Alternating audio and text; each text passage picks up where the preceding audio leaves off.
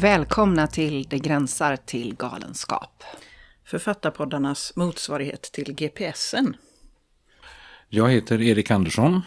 Jag heter Martin Engberg. Jag heter Jessica Schiefauer. Jag heter Elin Bordy. Och vi ska börja en regnig sommarsemester i en stuga i Skottland. Där så mycket annat också kan börja. En författare behöver hålla sin 12-åriga systerson road och underhållen och sätter därför igång att rita en karta åt honom. Över en namnlös ö. Kartan har berg, vikar, mått på havsdjupet runt omkring ön och tre kryss. Intill ett av dem står det med röd penna Bulk of treasure here.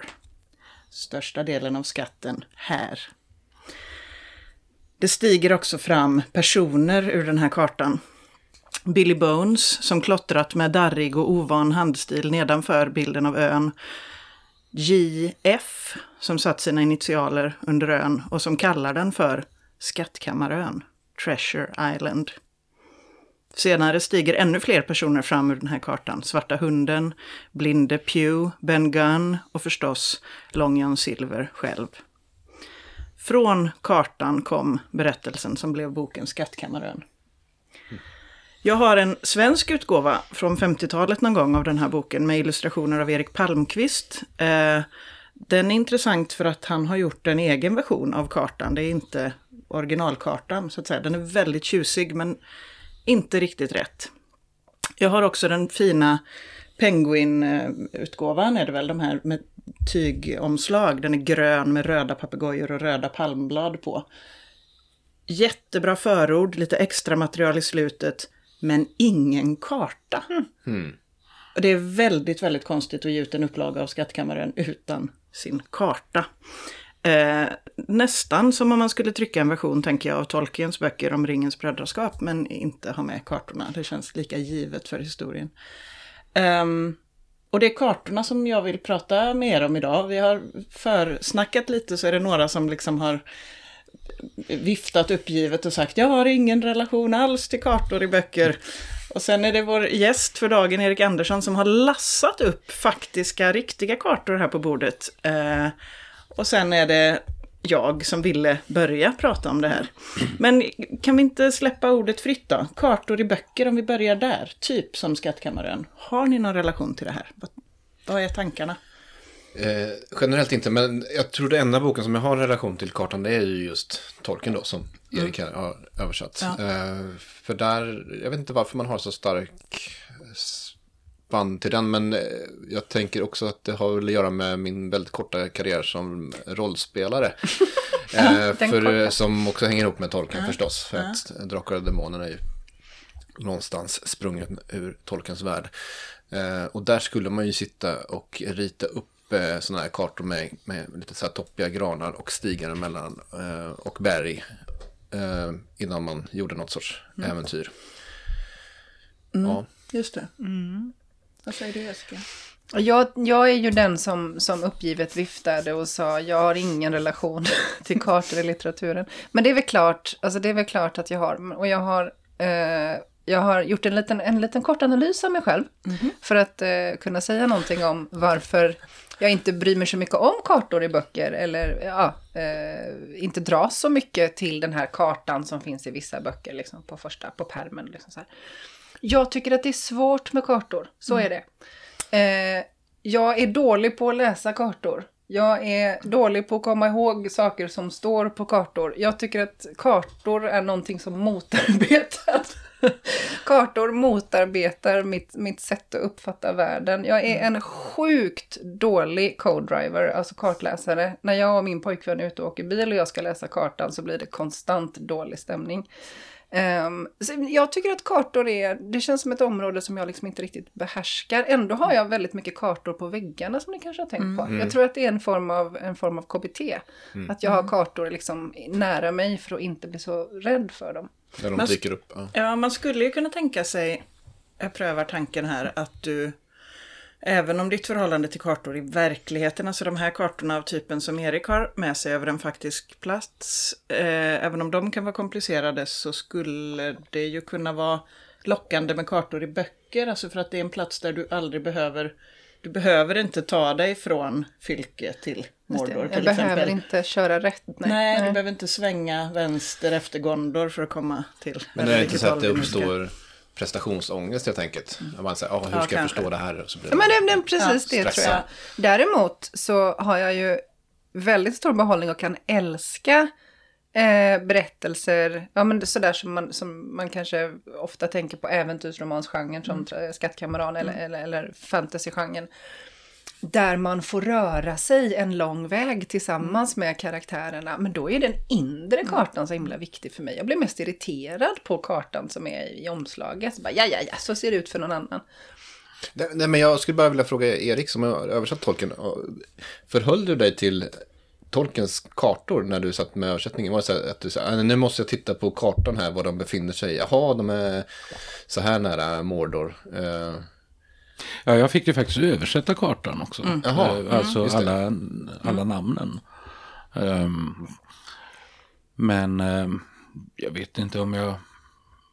Ja, men jag hade nog lite ledning av det. Att, man, att det gick att se var, var, vart de var på väg och sådär. Mm. Och få något grepp om liksom, avståndet och så. Jag tänker att det kan finnas, det kan ju vara lite både och. Det kan ju finnas kartor i böcker som är mer eh, inspirerande och fantasieggande. Där kanske Tolkiens kartor på ett sätt är det. Och sen kan det finnas kartor som nästan är med av nödvändighet för att man behöver hänga med medan man läser. Och det kan upplevas mer problematiskt tycker jag som läsare. Att, Fast jag- vet att jag läste ju den här slog det mig för min son för inte så länge sedan. Och då tyckte jag nog ändå att det var bra att kunna vilken läste du? eh, Tolkiens Ja, eh, ja. Böcker. Eh, och då tyckte jag ändå att det var bra att kunna titta lite grann. Mm. Men var är vi nu? Och vart, ja, men vart är det de befinner sig i det här landskapet? För det, eftersom landskapet har så stor betydelse Just för det. den berättelsen. ja. Helt enkelt. Jo, i och för sig. Mm. Ja, jag läser ju alltid eh, även romaner med eh, kartbok. Ja, ja, Jag- även om jag- det inte finns på pärmen så att säga så har du en... Ja, för eh, ofta har man ju, får man ju någon ledtråd till vad man är och då vill jag gärna titta vad det Ja, hur ser det ut där då? Och eh, var kan man tänka sig att de är nu? Och ibland får man något ortnamn som man kan liksom suga i sig. Men ibland så är de ju ändrade för att det inte är menade. Avsikten är inte att göra ett projekt av den platsen. direkt, Men, då, men det är, då är man ändå i, eh, i rätt eh, del av landet och vilket land det nu kan vara. Men sen är det ju ett mellanting där mellan eh, kartor i böcker, i romaner och kartor eh, som man har i bilen och så. Men, eh, nämligen de här gamla kartorna. Um, De närmar ju sig de litterära kartorna på det viset att eh, de ser lite annorlunda ut. Eh, beroende på ja, hur gamla de är och hur eh, mycket information det har funnits när de skulle göras. Det är ett moment av fiktion i dem. Ja, man kan ju säga att det, det... När man skriver en skildring av ett eh, land som man inte känner till så kan man ju skriva det man känner till och så hoppar man över andra. Men när man ritar en karta så blir det ju ingen skillnad på de strecken man använder där man vet hur det ser ut och de strecken där man inte vet. Alla streck blir lika eh, mycket eller lite auktoritativa. Och, eh, och är kartan liksom snyggt gjord så ser den väldigt riktig ut. Och, eh, Men det kan ju vara till exempel öar som inte finns. Det låter precis som en roman av Lars Jakobsson. Eller Erik Andersson. Eller Erik Andersson. Nej, för, Ja. I min första novellsamling så hade jag just, eh, utgick jag från en sån här eh, eh, karta från 1500-talet. Eh, som var, det var liksom ett falsarium. Det, det, det fanns en stor ö där som heter Frislanda.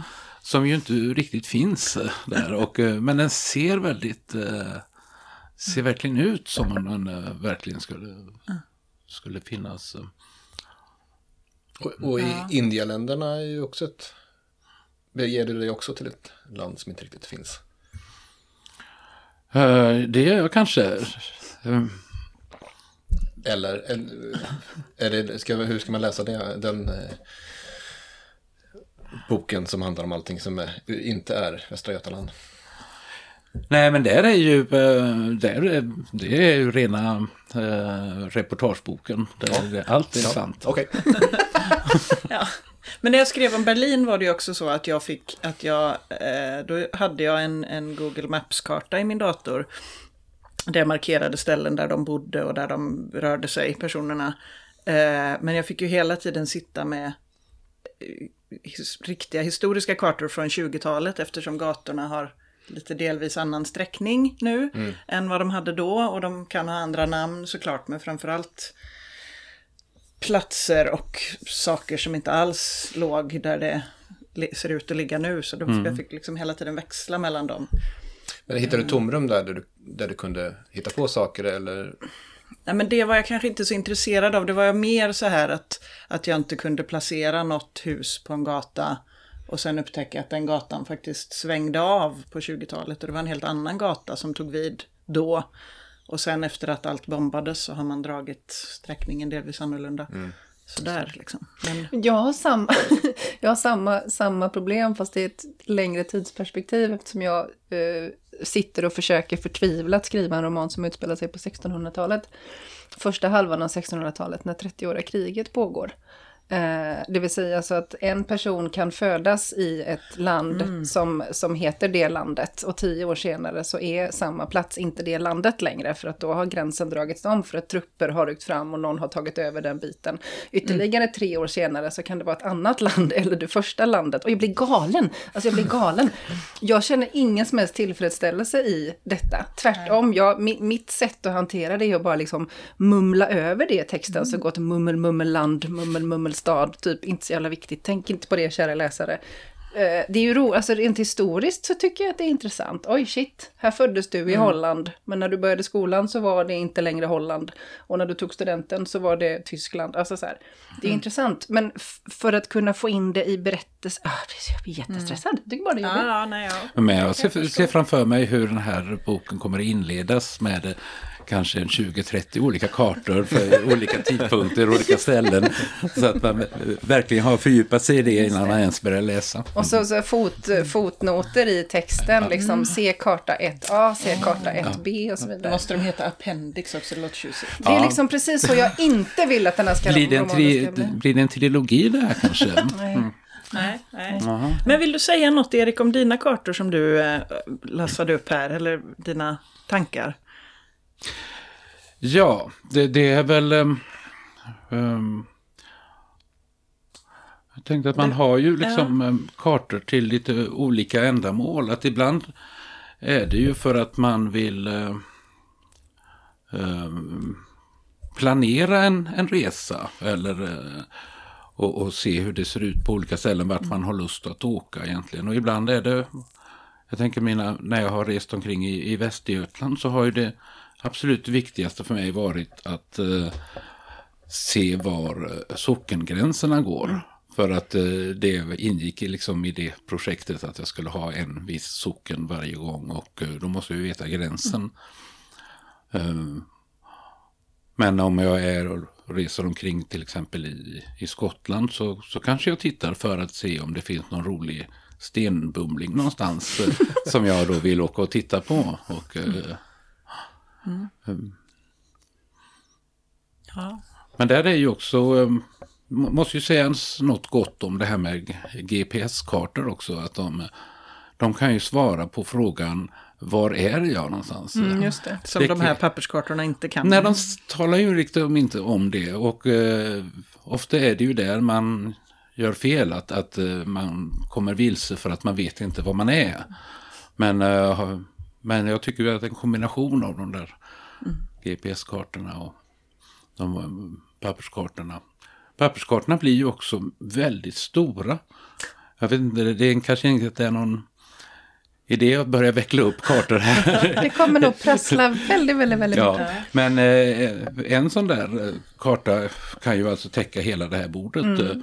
Och när man sitter i bilen så är det otroligt svårt att eh, köra efter den. Men, men eh, vid andra tillfällen så kan det vara fantastiskt att man, till exempel om man planerar att gå någonstans, att eh, man ser var man verkligen kan gå och var det nog är för blött och var det nog är finns det någon liten bro kanske? Eller för, där finns det en höjd. Det kan vara roligt att gå upp på den och där verkar det som man kan se. Alltså man kan... Uh, uh, ja, sen kan man ju bara, man kan ju bara ge sig ut och gå på vinst och förlust också. Men, men uh, om det är trakter man inte känner till så är det en bra förberedelse. Ja. Men vad sjutton, du har ju helt rätt. Jag, jag älskade orientering när jag gick på högstadiet. Va? Jag, Oj. Jessica. Här minns man plötsligt saker om kartor. Mm. Orienteringskartan, mm. den tycker jag är underbar. Det här precis som du säger, här är det blött, här är en höjd, här, här om man går raka vägen här igenom borde man komma ut här, även om det inte finns någon väg. Det lilla formatet, mm. alltså vad är det som gör att jag hatar de här stora kartorna och liksom Jo, men det är bara en massa tråkiga grejer på de där stora kartorna. Aha, det är det. till exempel oh, du menar världen, den tråkiga en... världen Nej, de här kartorna? Man tänker, det här är en av mina sämsta kartor. Aha, det heter Road Atlas of Island. Och där är ju bara med en massa vägar och städer. Vem är intresserad av vägar och städer? Men du har rätt. Ja, det är inte så mycket här höjder, nej. Här är lite höjder. Ja, ja. men man ser inte ordentligt. Nej. Utan det ska ju vara de här enormt detaljerade. Mm. Och där man också får alla namn på, på saker och ting, vad de heter vid minsta höjd och mm. minsta bäck som rinner. Har ju liksom namn. Det blir en annan sak att röra sig i ett namngivet landskap. Mm. Jag har varit på väg, har i flera månader tänkt herregud Jessica du måste ha en hobby. Jag har funderat på att börja gå på ridskola, jag har funderat på att gå massa konstiga kurser. Jag ska naturligtvis börja med orientering ja. igen. Vilken ja. tur, tack så mycket. Men eh, jag tycker det är fint Erik det du säger för att jag pratade med en författare en gång och outade min skräck för att skriva synopsis. Eh, för att jag tänker att om jag skriver ett synopsis då har jag liksom bränt ut den möjliga glädje i att upptäcka mm. vad som finns i berättelsen. Mm, mm. Då är det borta för då vet mm. jag vart jag ska. Och då sa hon, jag tänker att man kan se ett synopsis som en karta. Mm, en karta som ungefär visar det landskapet som man ska röra sig med mm. genom men inte nödvändigtvis vilken väg man ska ta. Mm. Och jag tyckte det där var jättefint. Sen jag, vet jag inte om det går att omsätta det i Ska jag rita en faktisk karta över min berättelse? Eller ska jag bara ha det i mitt huvud som en bild? Men jag tänker att mm. det finns något i det du säger Erik om att man vill veta ungefär vart man ska. Och hur ja, det... alltså, för jag sitter och tänker på att, hur mycket jag liksom höftar ändå. Det mesta man skriver utspelas ju ändå i någon sorts landskap. Där mm. de här mm. personerna kvistar omkring och gör saker. Eh, och det där brukar inte jag alltid göra såklart för mig. Jag tänker att jag har en ungefärlig bild. Ja, men de är väl här, det ser ut. Mm. Efter, efterhand som man skriver så blir bilden klarare och klarare mm. över platsen de befinner sig på. Och det skulle nog inte vara helt omöjligt att rita upp den. Den består ofta av minnen av platser man har varit på och saker som man hittar på. För, ibland så hittar man på saker för att få berättelsen att fungera också. För att, mm. ja men nu behöver det vara en brunn här. Eller vad det mm. kan vara. Uh, så, ja, nej, mm. så jag sitter mest och får dåligt samvete. Man borde ju göra klart för sig lite bättre. Ja, men kanske. Jag vet, inte. jag vet inte. Jag vet inte. Men är det, blir det liksom en störning hos läsarna har du upplevt? Alltså är det, verkar det som Varför sitter blir... du med armarna i kors? Vad sa du? Varför sitter du med armarna i kors? Varför sitter Erik bara? Tre av fyra sitter med armarna i kors. Nej, men jag vet inte. Jag, nej, jag tror att det jag funderar på är eh, vad skulle vara till hjälp? Är det, är det bättre att inte ha det för detaljerat för sig själv mm. för att eh, det blir bättre text av att fantasin kan röra sig lite obehindrat? Jag tror att fantasin kan röra sig. Det, jag tror det är ungefär så när man, om man planerar en rutt och man ska promenera med hjälp av kartan så blir man ju ändå överraskad mm, när man visst. verkligen kommer ut där. Ja, absolut. Mm. För det är ju en sak att se här verkar det vara blött och ja. att sen komma till ett mm. kärr. Det, jag vet, vi, vi, jag har en kompis, vi, vi bodde ute på, i en stuga på Eckle Island i, i Irland och då bodde vi precis bredvid ett berg som var 600 meter ungefär. Det kanske inte är jättemycket men det ligger ju precis vid havet så det är ju från 0 till 600. Det ser väldigt dramatiskt ut och sådär. Men det var ju sådär. Ehm, eh, det var ju inte inga sådana där hemska branter eller så utan eh, det, det, var ju klätt i, i lite torv och lite ljung och sådär. Eh, så vi tänkte vi går upp på det där berget. Eh, ehm. Men när vi hade kommit halvvägs ungefär då kom det, och det, det var ju inte brant kanske men det var ju rätt jobbigt. Det var mycket brantare än vad det är i Västra Bordan i alla fall. Och då, ehm, ja, och när vi stod där och pustade då kom det liksom lätt joggande en, en, en man i 75-årsåldern som hade varit uppe på toppen, en tysk. Han sa att det var jättehärligt och uh, ni borde... Då förlorade vi liksom all lust att gå upp till den där toppen. Förstår det. Um, och så tänkte vi istället, uh, titta på kartan, ja men vi kan gå runt på den höjd vi befinner oss nu. Uh, det, är, det är nog mycket intressantare än att gå till den här dumma toppen. Men uh, då kom vi liksom sakta över mot havssidan av det här berget. Det var inte brantare där. Men det var så mycket otäckare. mm. vi hade inte haft någon svindel när vi gick, när vi gick upp från landsidan. Men här, mm. när det, man, man liksom såg framför sig hur man skulle kunna snava och sen rulla rakt ner i Atlanten. Oh oh. Och sen liksom spolas upp i Boston några månader, månader senare. Usch, förlåt, jag ska... Ja, så vi... Eh, gick tillbaka samma, samma väg igen. Och den upplevelsen gick inte att se på kartan? Nej, det hade man ju inte kunnat ana, utan snarare tvärtom. Att eh, här är ju inga problem, det är samma... Man ser ju hur tätt de är, de där höjdlinjerna. Och det, det var inte tätare på havssidan. Det är för övrigt en utmärkt metafor av skrivandet som sådant vill jag säga. Det här blir lätt, jag ska bara upp på kullen och ner på andra sidan. Men ja. hur det sen ser ut där man ska gå, oh.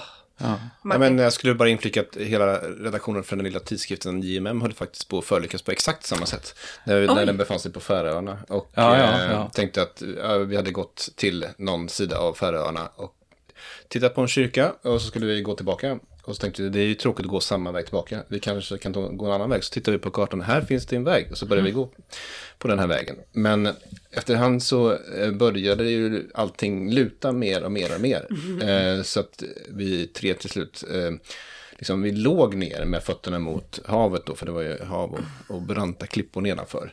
Eh, och vågade knappt röra oss, vare sig framåt eller tillbaka.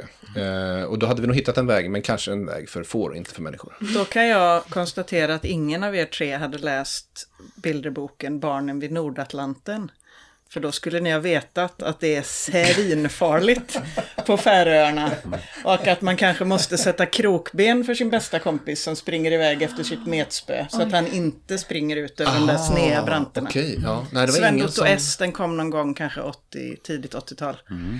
Det ah. finns en historia från Island, en från Färöarna, en från Grönland och Kanske en till som jag i så fall har glömt. Men där är exakt mm. det där mm. landskapet som, som ser helt, alltså det är som att man har vänt på perspektivet. Ja, men för det var ändå något som var påtagligt när vi var på Färöarna, i alla fall när det gäller konsten, att den eh, förhöll sig väldigt mycket till, till naturen. Allting handlade liksom om stormiga hav och så när man gick på, på museerna och de liksom väldigt karga förhållandena. Om naturen kan vara så drabbande. Ja, vilket bra exempel på uppfostrande barnlitteratur. Ja, eller hur? Mm. Jag läste en gång en berättelse från Färöarna om förr i tiden att um, mycket, många moment var ju väldigt farliga som att samla ägg till exempel från de här bergssidorna. Eh, eller gå på vissa, eh, vissa stigar. Och om det då var så att någon eh, förolyckades eh, då måste hans bästa vän göra samma sak. Um, alltså samma jobb eller? Eh, han måste gå, gå på precis den stigen eh, eller klättra i det på den där branten. Oj. Vad opraktiskt. För ja. att annars... Eh, um, alltså, han måste kunna visa att, att det här var en olycka. Eh, för, för, att eh, om det var för dristigt då eh, ansågs det som ett självmord och då fick han inte begravas på kyrkogården. Oj, oj. Utan utanför den. Utan han måste visa att det här var inte dåligt omdöme. Han råkade snubbla och det är en tragisk händelse. Och begrav honom på kyrkogården. Okej, vem skriver den här romanen? Nej, men det var ju redan... det var ju... Jag har redan skrivit det. Jo, ja, förlåt. Underbart. Jag ska läsa den romanen. Ja, men andra saker då som man kan behöva göra kartor över? Rita upp hur en lägenhet eller ett hus ser ut? Gör ni sånt när ni skriver? Ja, För det gör jag hela tiden. Gör du det? Men det Klipper jag. ut saker och Ja, sparar. det gör jag. Alltså eh, hur, hur ett hus ser ut, Mm. hur rummen ligger, liksom om dörrar öppnas inåt eller utåt. Just Men det. det. hänger ju ihop med att jag uppenbarligen tycker om de kartorna över de väldigt små Mm. områdena. De har jag uppenbarligen inga problem med.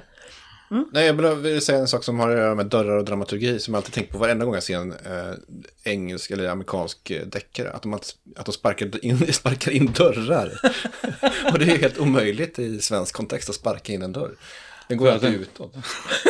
En lägenhetsdörr menar du? Ja, alltså, det är klart verkar att du skulle kunna sparka ut den möjligtvis, men du kan ju inte sparka in den. Liksom. Nej.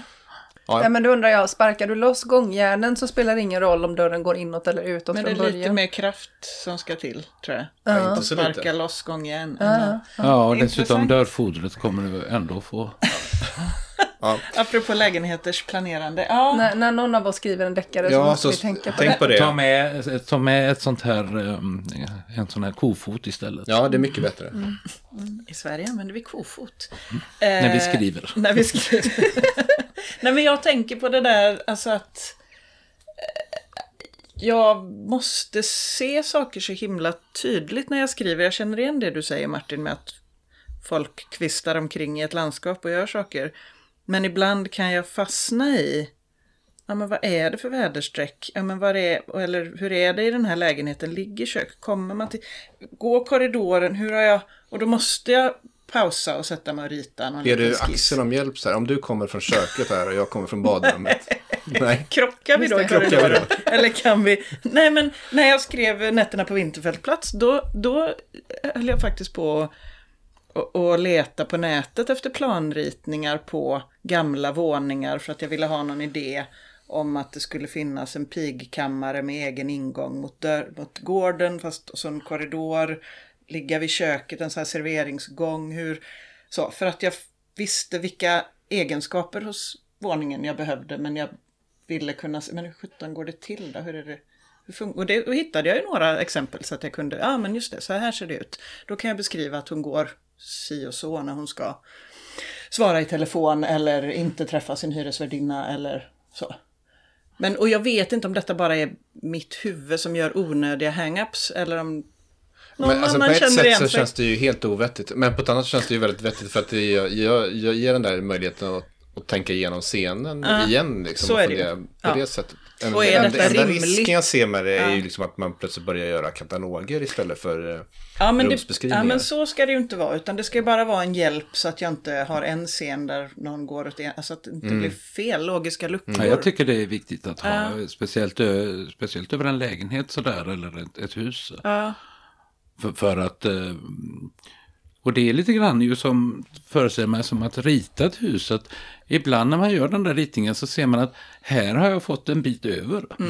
Eh, det här verkar inte särskilt rimligt. Eh, Jag måste rita det på ett annat sätt för man har inte en sån, eller i och för sig ibland är man ju i hus där man hittar sådana här egendomliga skrubbar. Så Liksom, kan det vara. Och, och, här är, här är en dörr bakom toalettstolen. Eh, va? varför? Varför är det en dörr? Jag får bara inflika att vi passerade ett hus häromdagen som hade satt ytterdörren eh, på gaveln av huset. Ja, ja. Det ja, just är mycket, det är ovanligt. det är mycket ja. Mm. svårt. Att, Eller som när man sitter och bygger ett hus i i Minecraft som man ibland finner sig göra, jag i alla fall. Och ett jättefint hus som man bygger då utifrån och in. Och sen ska man placera en trappa någonstans och det blir ju är det- aldrig bra. Och då är det redan för sent. Då är det redan för sent. För den är jättesnygg på utsidan och sen den där... Ja, Också en fantastisk metafor över skrivandet Ja, måste jag säga. eller- Det haglar. ja. Men jag tänker på, jag tänker på mitt eget förhållande till kartor. Så här. Jag, jag skrev ju en roman som utspelar sig i framtiden. Eh, som heter Bärarna. Och där jag inser att min aggression mot, mot kartor, mitt problem med ritningar och kartor kanske var liten drivkraft för att där ritade jag ju om hela kartan. Jag drog om alla gränser, jag gav alla områden nya namn, jag gav eh, huvudstäderna i, i de här nya regionerna som jag hittade på nya namn. Jag gjorde om, jag hittade på fordon som tog oss långsammare eller snabbare mellan två platser än vad vi nu tänker oss att det tar att resa mellan de platserna. Jag ritade, jag föreställde mig husen konstruerade på ett helt annat sätt för att man skulle kunna leva på ett annat sätt.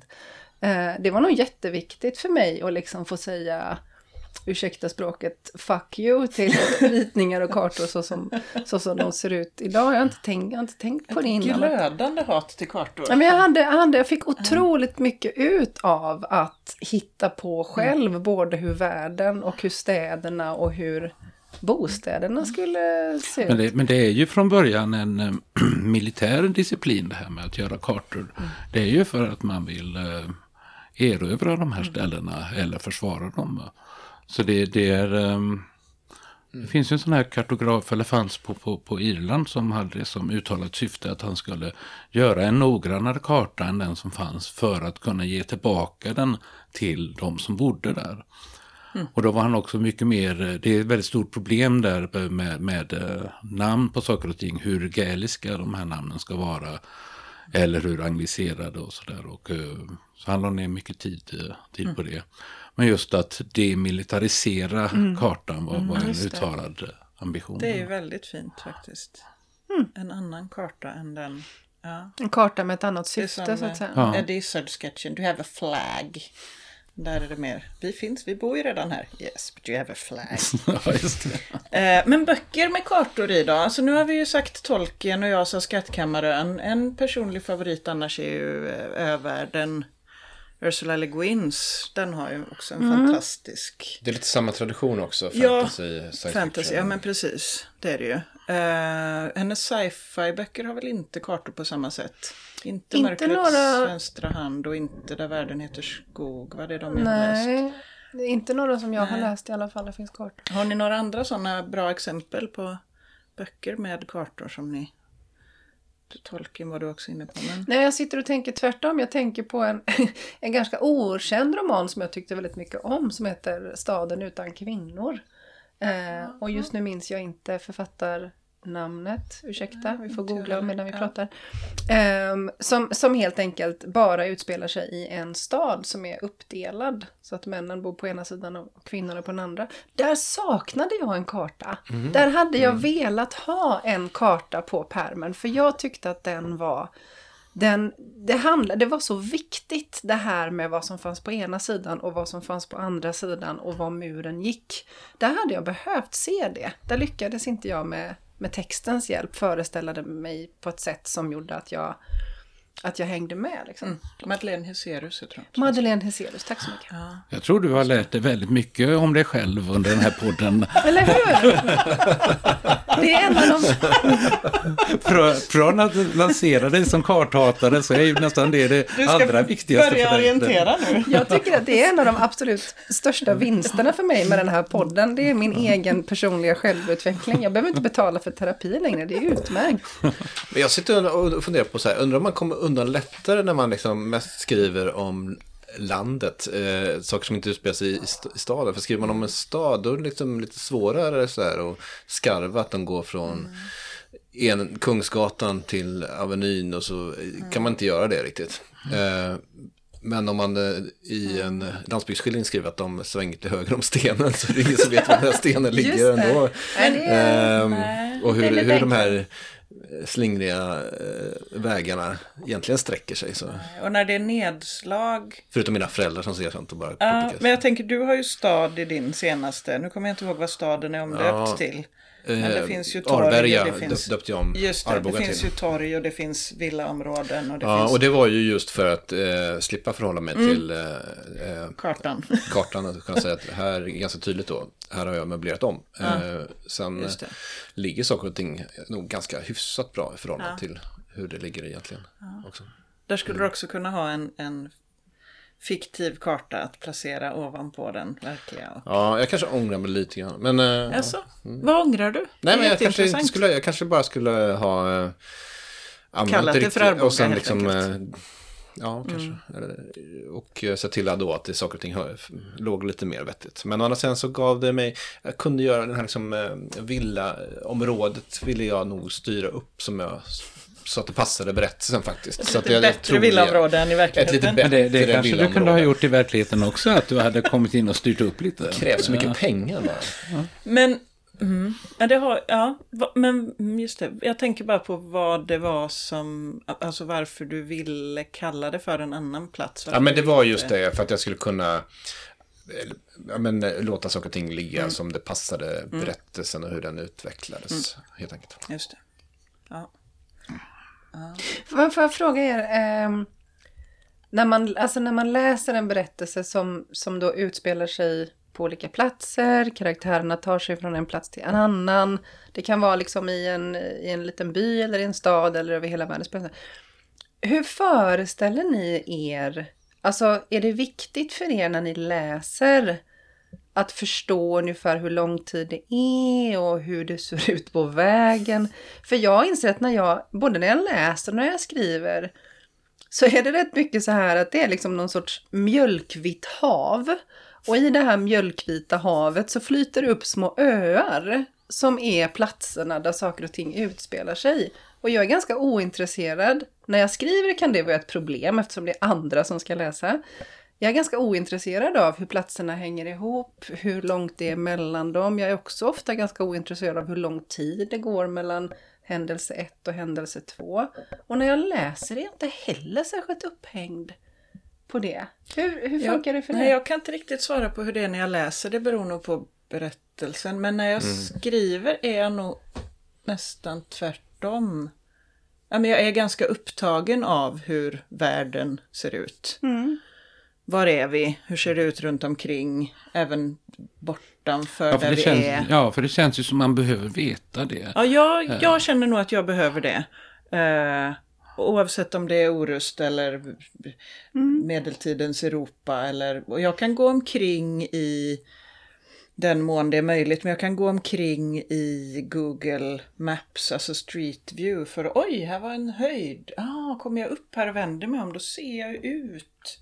Aha, alltså på ett sätt som kanske en papperskarta Men man inte- kan ju använda de där kartorna det som en eh, frivillig begränsning. Att, att det, det är en av sakerna som eh, man får förhålla sig till hela tiden. Att, att det, och- men man kanske har andra begränsningar som man hellre vill. Men just det där med begränsningar är ju bra. För, Undrar vad jag har för begränsning istället. Ja, jag menar nog med sin begåvningsbegränsningar liksom. Så att, Ja, men jag, för mig, men jag, det är nästan inte ens en frivillig begränsning för mig, för jag kan nog bli lite för upphakad på att det ska stämma eller att det ska, och det är därför jag liksom, då måste jag pausa och rita upp en lägenhet, men att jag Ja, men nu måste jag ju veta detta. Har jag nu, nu befinner jag mig ju på den här platsen och nu...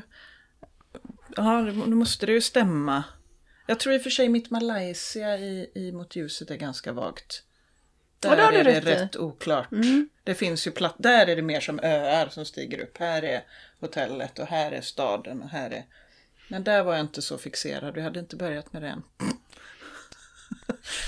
jag vet inte. En fixering yet to come, så att säga. Ja, precis. Men jag tänker nu på, jag skrev ju eh, under en period så skrev jag dataspelsmanus. Um, och där var det intressant att, för där skulle ju, där skulle ju liksom alla händelserna och all dialog i ett senare skede faktiskt utspela sig i ett, ett landskap. um, som man skulle kunna se och förhålla sig till.